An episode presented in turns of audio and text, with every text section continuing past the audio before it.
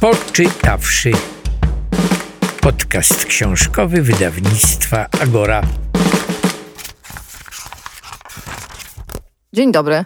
Nazywam się Marta Greliak-Telesińska. Moim i Państwa gościem jest dzisiaj pani Aleksandra Szarłat. Dzień dobry Państwu dobry. przede wszystkim. Dziennikarka, pisarka, autorka książek takich jak Pierwsze Damy Rzeczpospolitej, Świat Andrzeja Fidyka czy Celebryci z tamtych lat.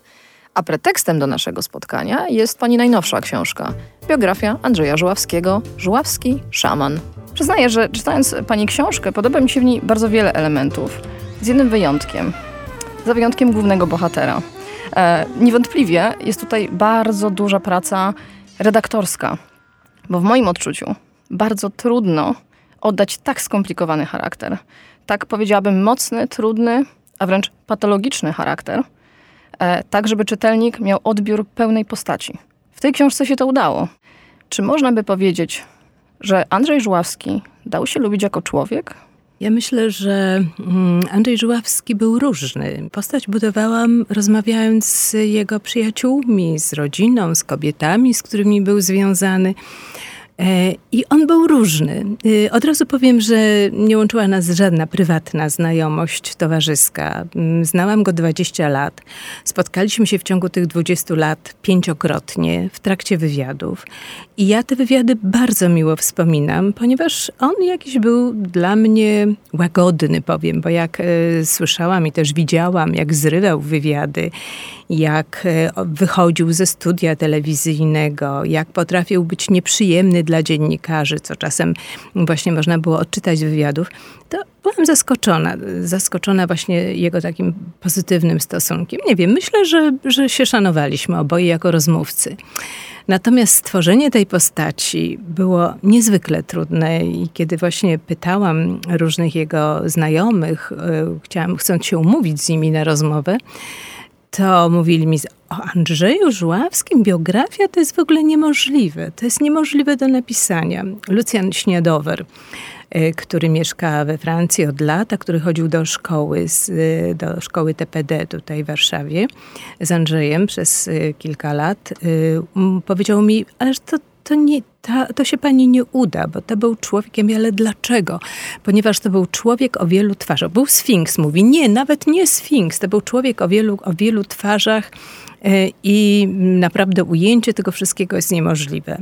E, także no też powiedział mi mm, Janusz Olejniczak, nasz wybitny pianista, który grał Chopina w Błękitnej Nucie, powiedział mi, że to on decyduje, Andrzej Żuławski decyduje o wrażeniu, jakie wywrze na swoim słuchaczu, odbiorcy, na kimś, z kim się spotka, że to on decydował, czy będzie diaboliczny, czy będzie miły, czy będzie sympatyczny, że to wszystko było e, jak gdyby wyreżyserowane.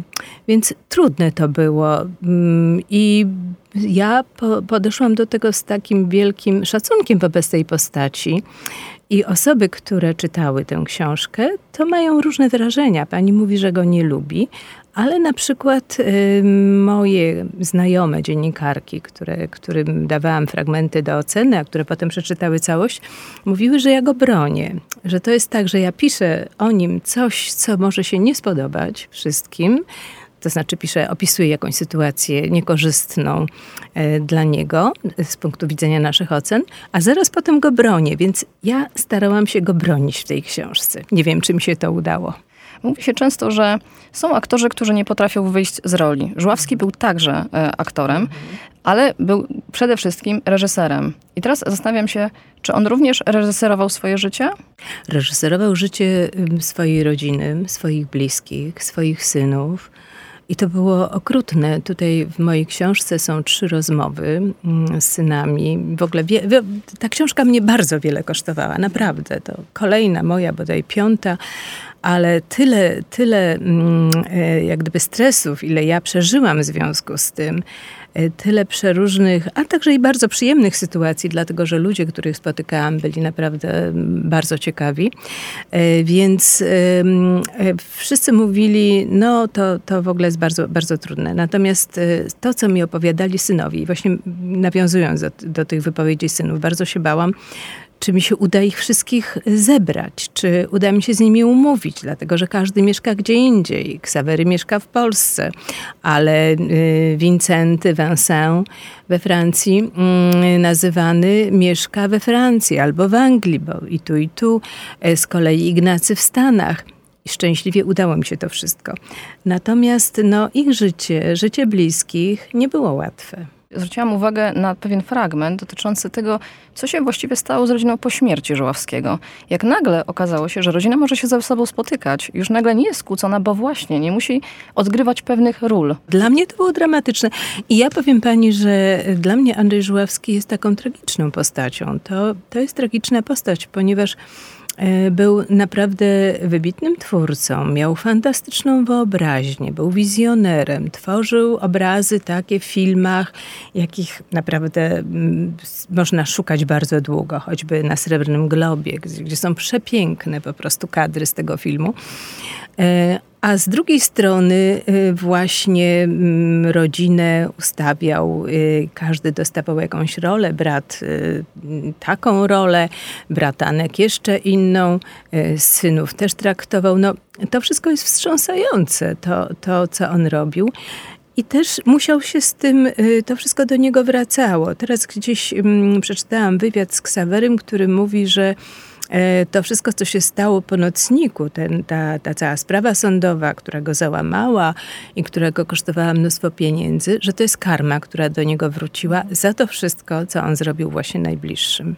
A propos synów, ja nie chcę zdradzać bardzo mocnego zakończenia pani książki, ale tam pojawia się nawet taka dramatyczna, wstrząsająca puenta związana z najmłodszym synem reżysera, a która wynikła już po pani rozmowie.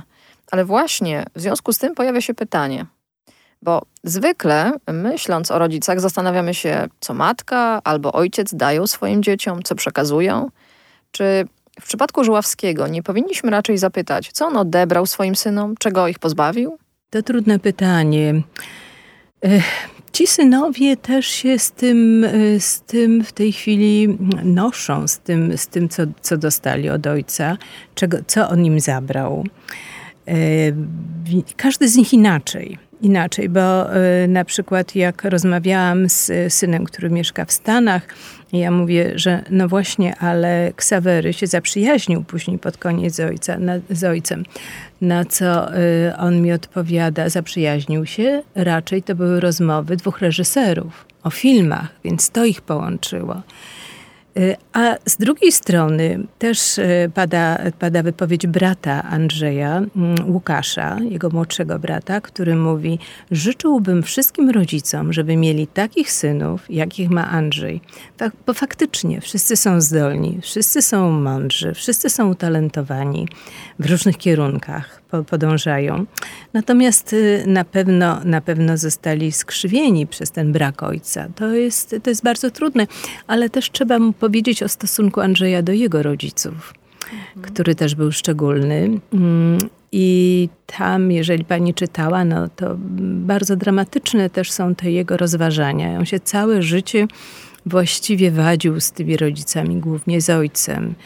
On y, pod koniec życia, już tam w takiej książce wydanej po, po francusku, która jeszcze się u nas nie ukazała, to jest mój testament napisany po francusku, on pisze, pod koniec życia swojego życia. Zacząłem rozumieć ojca i y, trochę, trochę mu zacząłem pobłażać, jak gdyby zrozumiałem jego postawę. Bo przez całe życie nie mógł, y, nie mógł znieść tego, że ojciec się zaprzedał komunistom po II wojnie światowej. On chciał mieć ojca bohatera. Nie miał takiego ojca bohatera, bo ojciec był dyplomatą. Żeby być dyplomatą, no to trzeba było być w PZPR-ze, prawda? I to rodziło y, taki sprzeciw u, u Andrzeja, młodego człowieka wrażliwego, bo on był bardzo wrażliwym człowiekiem. Y, z kolei matka, która powinna być, no mamy te, te wzorce matki, prawda, i dla niego był ten wzorzec takiej świętej dziewicy, matki, prawda, i tu się okazało, że, że matka jest y, kokieteryjna, że lubi tańczyć, że lubi się, lubi się bawić, że, że, że lubi, jak ją otaczają mężczyźni.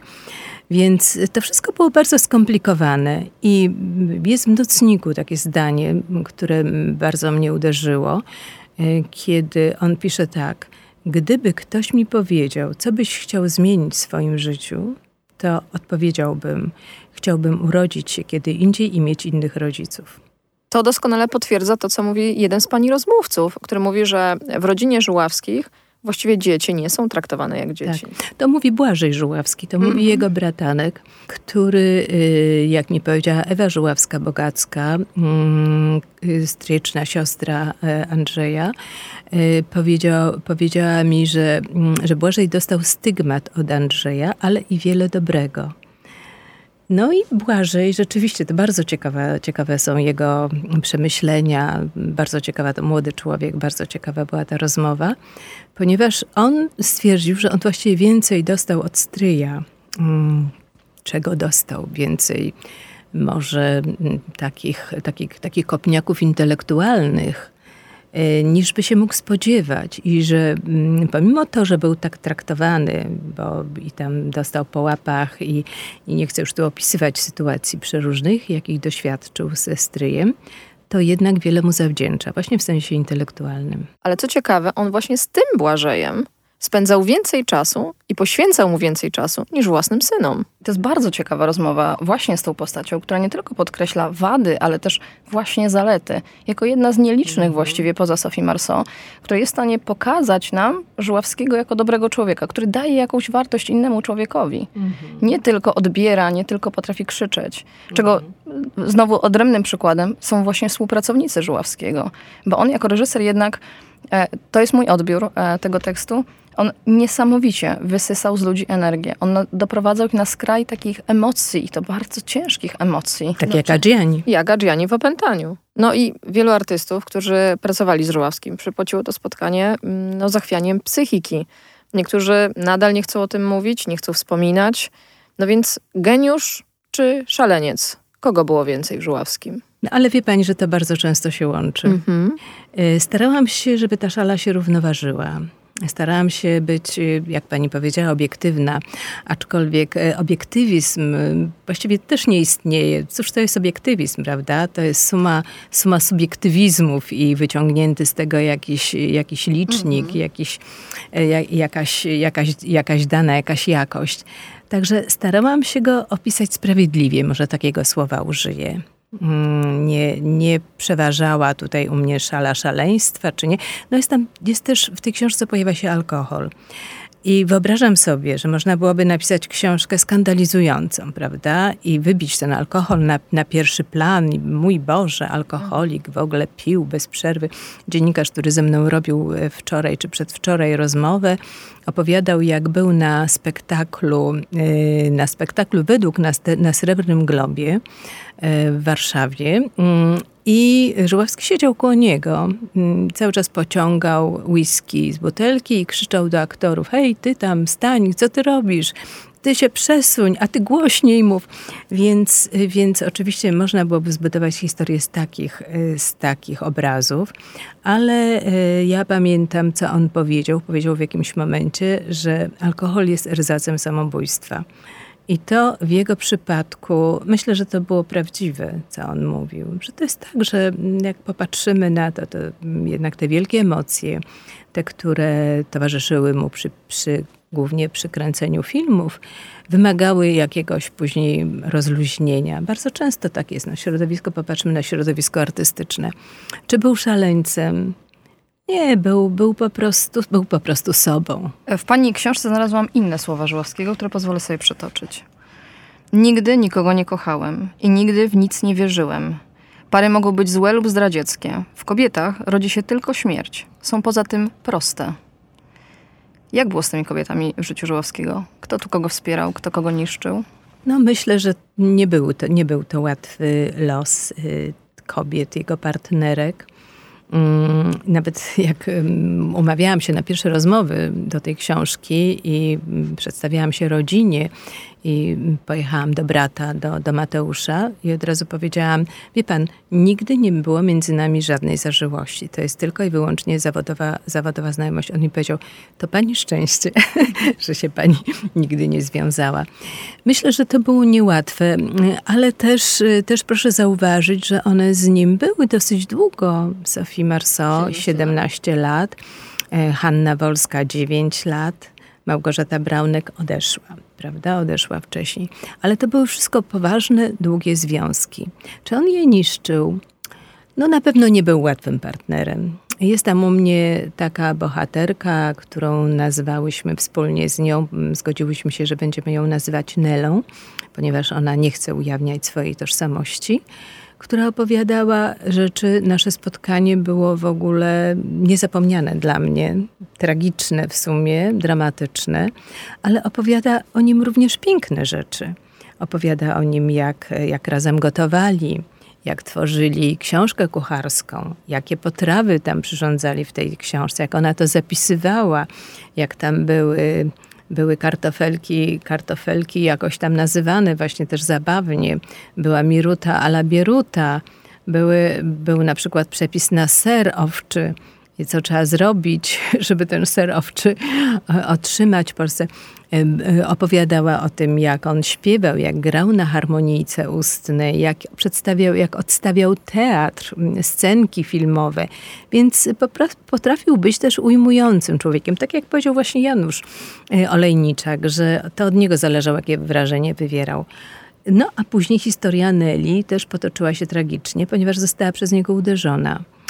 I bardzo to, no to myślę, że każda kobieta po prostu w takiej sytuacji ma różne czarne myśli. Y, I Nela bardzo to przeżyła. Natomiast y, zaraz mi powiedziała, ale to była moja wina. Ja na nią spojrzałam i mówię, jak to? Jak to? Bo kobiety bardzo często siebie obwiniają. Więc no, różne tutaj można stosować, jako mężczyzna mógł stosować różne manipulacje, różne, różne manewry w stosunku do kobiet.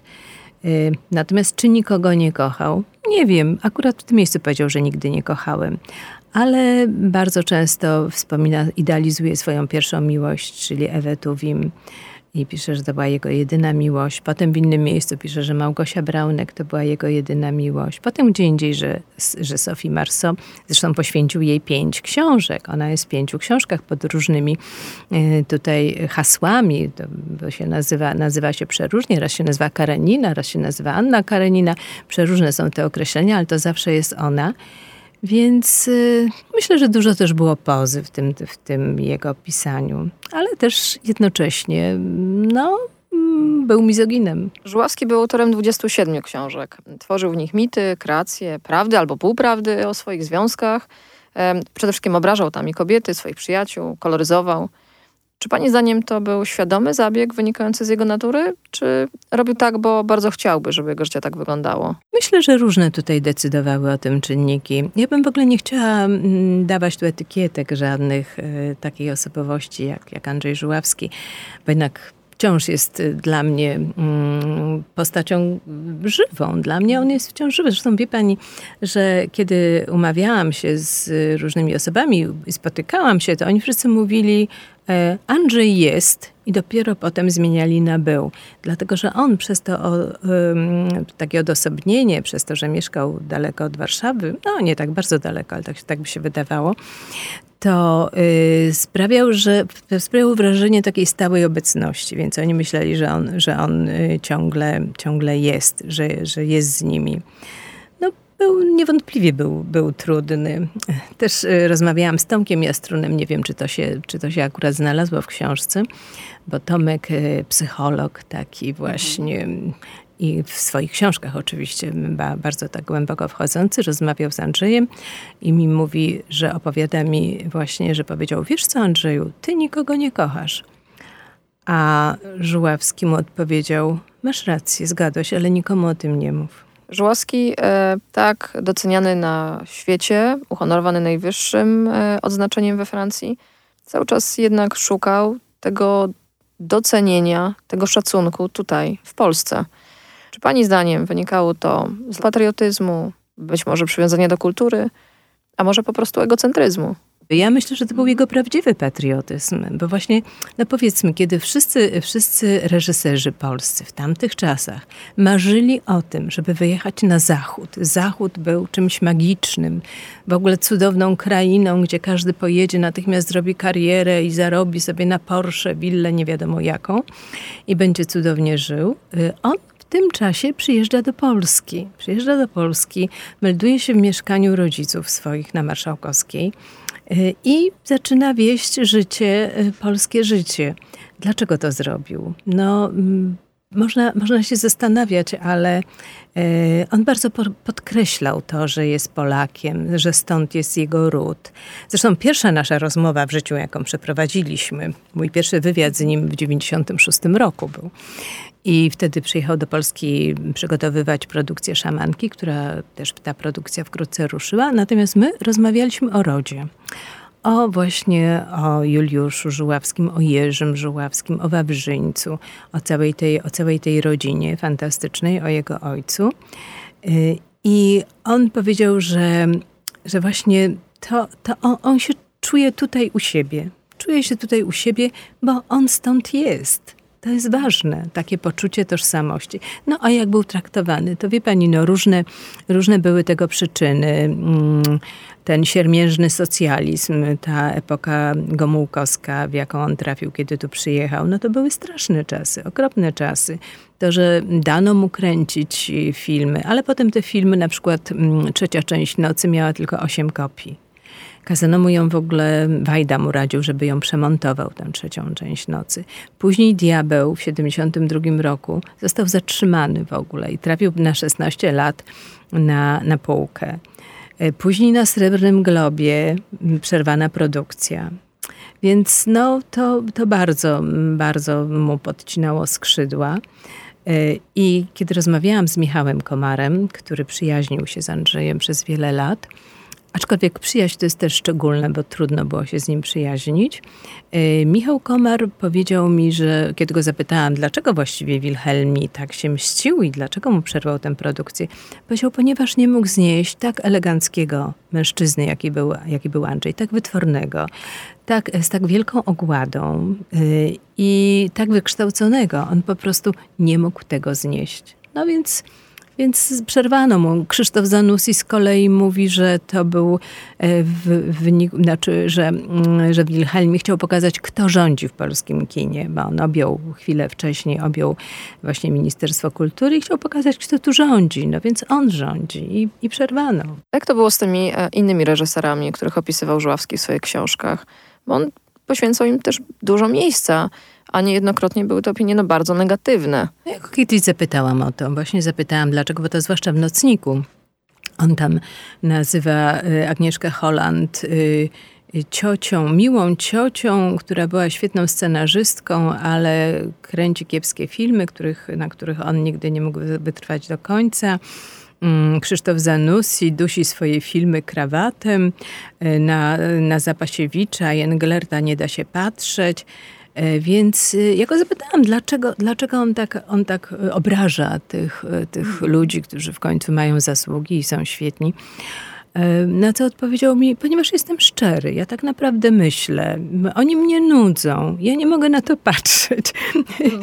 Więc mówię, Agnieszka Holland, fantastyczna kobieta, która pomogła wielu, wielu mm, artystom na zachodzie i pisała fantastyczne scenariusze, ale ja na żadnym filmie, na żadnym jej filmie nie wysiedziałem do końca.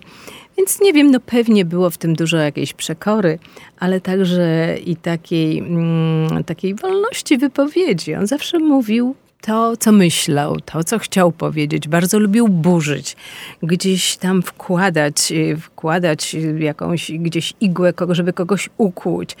I mm, Andrzej Jaroszewicz mówi, no już przestań, już przestań walić tym młotkiem.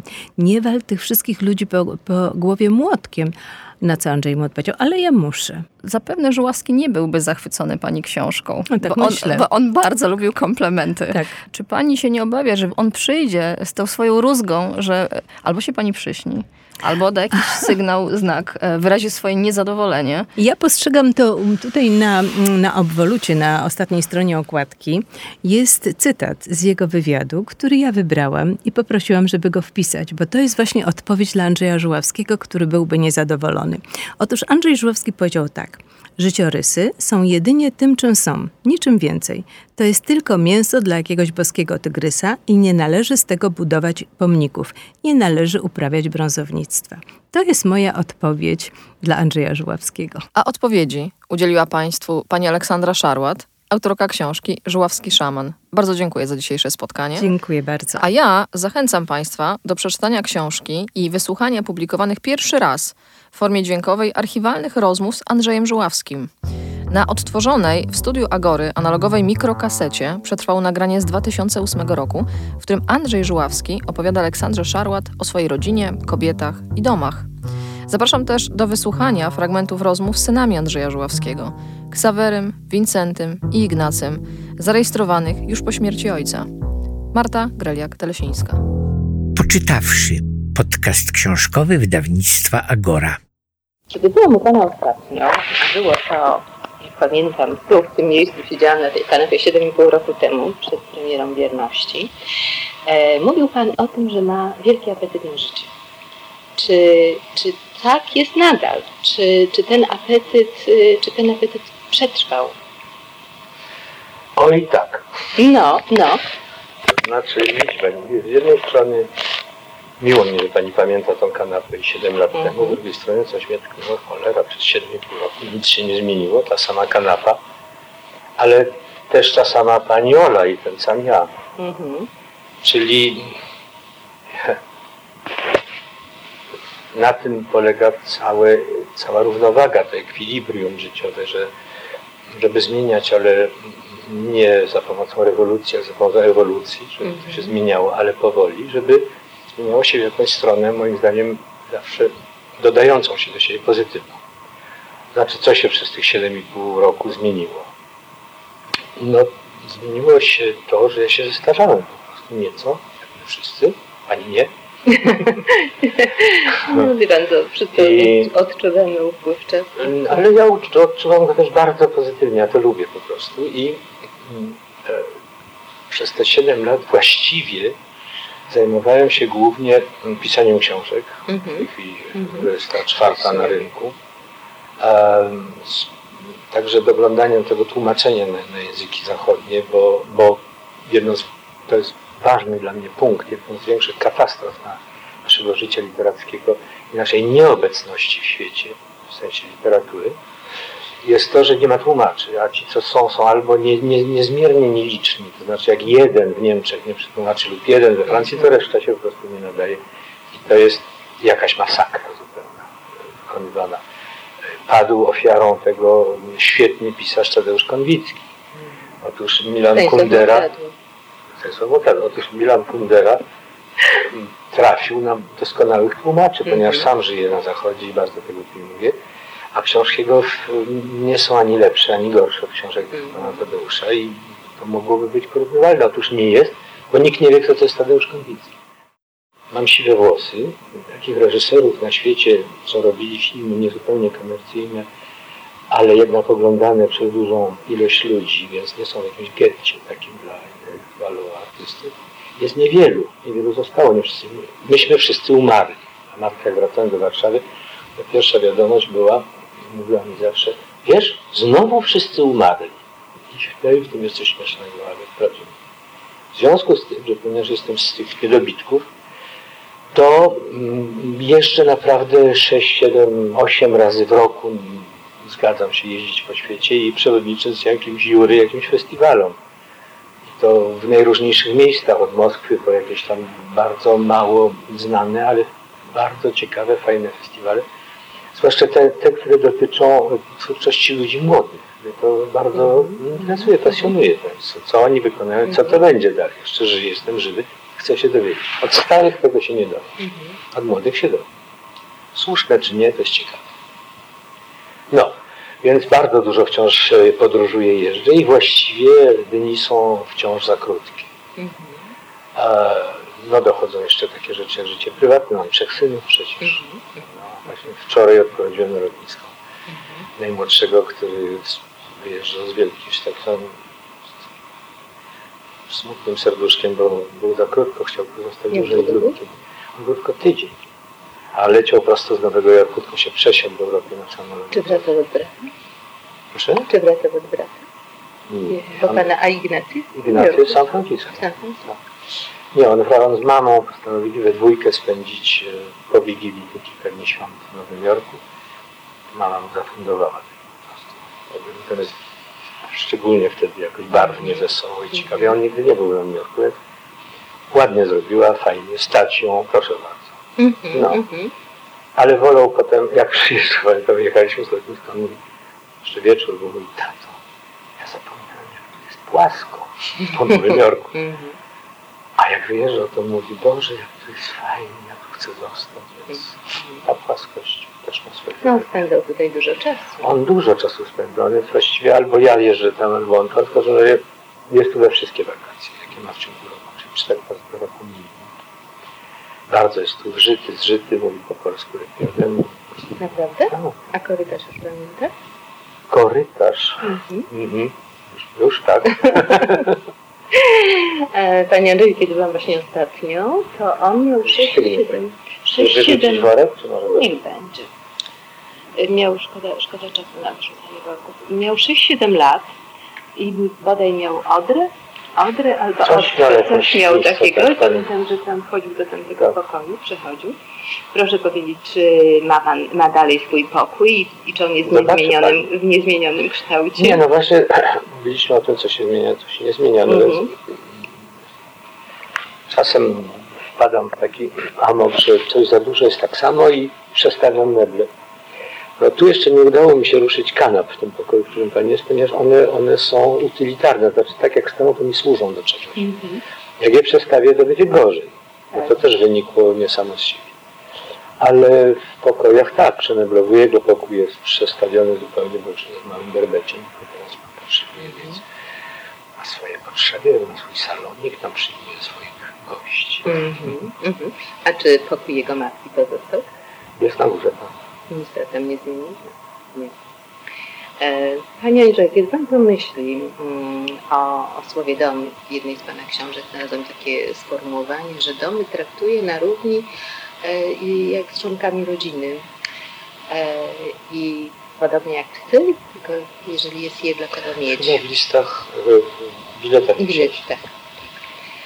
Tak, Bo dużo domach. tak.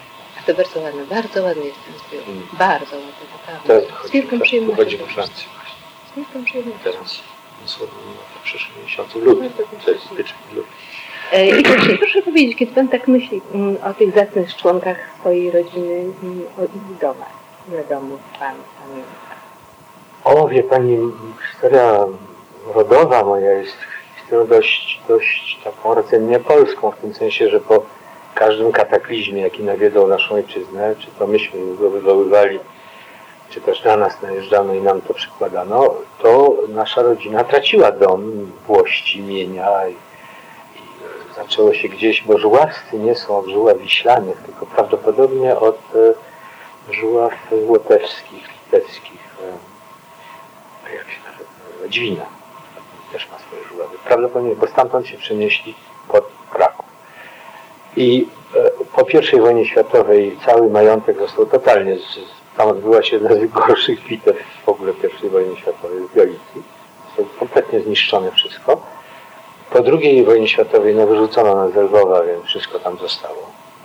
I dwór e, rodzinny został, jest, e, opisuje to zresztą, bo ojciec tam jeździł na polską granicę, wdrapywał się na taki pagór i z tego pagórka było widać, znaczy do dzisiaj widać, przez jakieś tam drzewa i ten dwór, w którym mm, e, Ukraińcy, a przedtem Sowieci zrobili jakąś szkołę, liceum czy szkołę, już sam nie wiem, jak oni wiem. Więc za każdym razem ta rodzina zaczynała od nowa. Tak? E, Może też dlatego te domy są dla mnie takie ważne. A to nie znaczy, że, że się nie przeprowadzałem. Kiedyś z Osią jeszcze obliczyliśmy, że w samym Paryżu myśmy się przeprowadzili 13 razy. E, A jednak zawsze był ten dom de Fromont, moja farma pod Paryżem, gdzie prawda, Mazylem, ale w samym Paryżu się przeprowadzaliśmy bardzo często.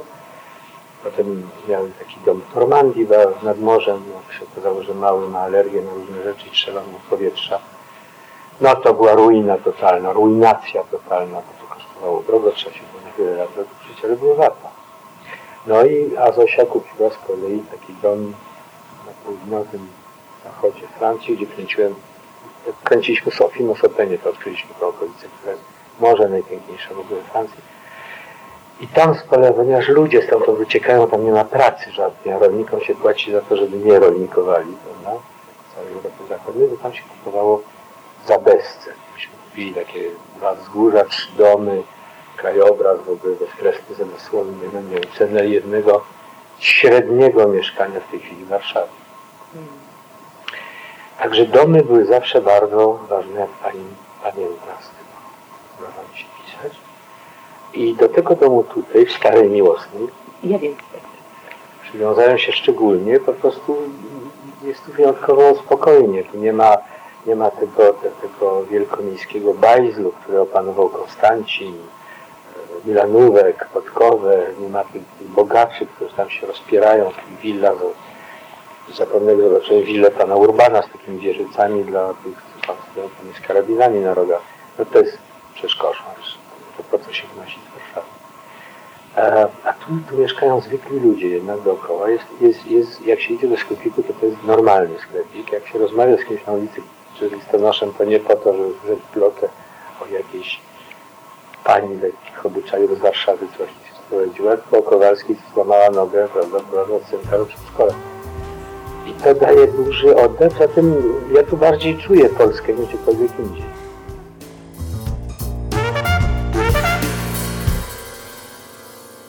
Mam pewien taki ból, żal y, do tego, że mało przekazu nastąpiło między Żuławskimi. Doszły jakieś y, po prostu, nie wiem, rodowe, powiedzmy, niesnaski w tym wszystkim i e, dzieci, wszystkie narodzone po 70 roku, jakby gdzieś były odcięte w ogóle od y, naszego korzenia, tak? Dopiero kiedy, kiedy ojciec zmarł, to ta cała wielka rodzina jednak Żuławskich postanowiła zrobić pierwsze swoje walne spotkanie, tak? I my się wszyscy gdzieś tam znamy, ale no tak e, generalnie nie utrzymujemy żadnych, praktycznie żadnych kontaktów, tak? I dopiero się to narodziło e, Paradoksalnie, paradoksalnie w momencie- tak, w momencie odejścia ojca. Wcale nie rodziny. Tak, scalenie rodziny. K- I w związku z tym, mm, nie wiem, mam wrażenie, że te żuławskie meteory tak parły do przodu, że te dzieci albo się łapały, albo nie. Na pewno moja nauka od ojca jest płynie taka, że żyj i pozwól żyć innym, tak? No po prostu ojciec tego nie umiał, tak? Nie pozwalał ludziom wokół siebie żyć innym życiem niż jego własne, tak? I, i, a też nie dopuszczał do końca dojść do, do tego swojego życia, czyli ta osoba mu towarzysząca w momencie znajdowała się w pewnej próżni e, jakby nieistotności swoich argumentów, swojego, swoich przekonań, bo ojciec i tak miał lepsze, lepsze te argumenty i, i ważniejsze i tak dalej, i tak dalej. Co powodowało takie, no, że w każdym z nas, myślę, w, i w moich braciach, i w Zośce, i w mojej mamie, i w Hance, i ten, to jest deprecjacja swojej własnej wartości. No i po prostu nikt nie mógł tego wytrzymać, tak? No jakby nikt nie był w stanie mu do, dotrzymać kroku. No. I, I myślę, że taki był jego wybór, żeby na końcu być sam. Poza tym był na tyle autorytarnym człowiekiem, reżyserem w każdej y, dziedzinie, że tak powiem, nawet w reżyserowaniu życia rodzinnego, że on nada, nadawszy rolę wszystkim współczłonkom jego życia prywatnego, on tych ról już nie zmieniał. Wydaje mi się, że wraz z jego śmiercią to te role się skończyły. I dlatego, dlatego mogliśmy się spotkać wszyscy, dlatego, dlatego bo, bo reżyser odszedł. Poczytawszy podcast książkowy wydawnictwa Agora. Powiedz mi, y, jakie były relacje twoje z ojcem? To jest, a, takie, takie i takie. E, Jak, wiem, że różne, na pewno różne, bo wiesz co, on pisze o tobie, jak ja czytam książki, bo ja czytam, czytam wszystkie jego książki. I on pisze o tobie jako o ukochanym synku. Mój ukochany synek położył główkę na poduszce. tak, mi się wydaje, że tak generalnie um, ojciec mnie miał późno i był taki st- starszą osobą po prostu i był taki większy. W sensie, że już nie był taki młody i pełen ognia. Tak, zawsze miał ogień, żył z tym do końca życia, nie? Ale nie był taki jakby... Um, um, tak, tak, był bardzo... Był bardzo, bardzo kochany, bardzo miły, bardzo trudny też. To wszystko tak ra, razem to było wszystko się tak mieszało. I um, no tak, no wie, wie pani, to była to była osoba, która um, mm, musiała mieć wszystko w swoją stronę, nie było inaczej, w sensie, że to, to jest To była no, to coś niesamowitego, czyli to była osoba, która w ogóle nie zrozumiała, że inne ludzie mają opinię i że ta opinia, nawet jeśli może nie jest aż taka, no nie wiem, no, estetyzowana albo kultura, to jest opinia i czasami trzeba robić kompromis, to on tego nie rozumiał w ogóle. Tego w ogóle nie było w swoim świecie, czyli jeśli to nie było his way, to było straszne, to było głupie, to było i tak dalej, i tak dalej. Czyli to było takie trochę, mm, kiedy szedłeś w tą, w tą stronę, która ona była, to, to była bardzo piękna strona, to była bardzo inteligentna, miła, elaborated i tak dalej. Kiedy szedłeś w tą stronę, było super, ale kiedy nie, to był no, dyktatorem. Poczytawszy podcast książkowy wydawnictwa Agora. Czuje pan, czuje pan coś w rodzaju takiego braterstwa wobec braci? Uczucia ma pan takie braterskie, czy to jest po prostu... No tak, no. Oczywiście, bo, bo nawet jeżeli tak bardzo się dobrze nie znamy, to mamy coś wspólnego. E, W sensie, że wszyscy no, dostaliśmy od ojca niełatwe, niełatwe karty. Niełatwe karty. Tak. Co to znaczy? Że znaczy, no, że on nie, nigdy nie umiał być ojcem. Przez 25 lat mieszkałem w Ameryce i nikt, nie jeden raz, ani jeden raz nie przyjechał mnie, mnie e, Odwiedzić. A przecież był w Ameryce. Pamiętam, byłem w Stanach. E, byłem e, na uniwersytecie. Em, I dostałem od niego wiadomość, że, będzie, że jest, czy będzie w Los Angeles jakiś festiwal czy coś. No, zaprosiłem go. Chodź przyjść to na uniwersytet, pokażę ci gdzie studiuję. No chciałem wiesz, Tak. e, mieć taki no, No, kontakt, raport, no kontakt Chciałem ojcem. powie- dumny byłem, że w ogóle byłem na uniwersytecie. E, chciałem mu pokazać. No, był zawsze, on, dla mnie zawsze był takim intelektualistą, więc chciałem jakoś tak em, mieć e, kontakt. E, No, szukałem kontakty i to był jeden e, rodzaj kontaktu, którego szukałem. E, że chcę ci pokazać, chcę pokazać oj, oj, ojcu, jak, że, no, że Jak żyje, jak żyję, tak. że jestem e, mądry. No, to, A on to podkreślał, że jesteś bardzo zdolny, wiesz, a, w rozmowach. du, dumy, dumy nigdy nie pokazał wobec e, synów. Pamiętam, kiedy byliśmy na premierze e, e, filmu Saverego, em, Chaos? Czy, czy wojna polsko-ruska? Wojna polsko-ruska. Po filmie, no, stał Sawery, stał ojciec. Wziąłem ojca, powiedział, no, chyba jesteś dumny z, ze syna. Mówi, dumny? No, nie no, przecież to nie mój film, jak ja mogę być dumny z tego? Powiedział, no okej, no to ja jestem dumny z Sawery. Poczytawszy podcast książkowy wydawnictwa Agora.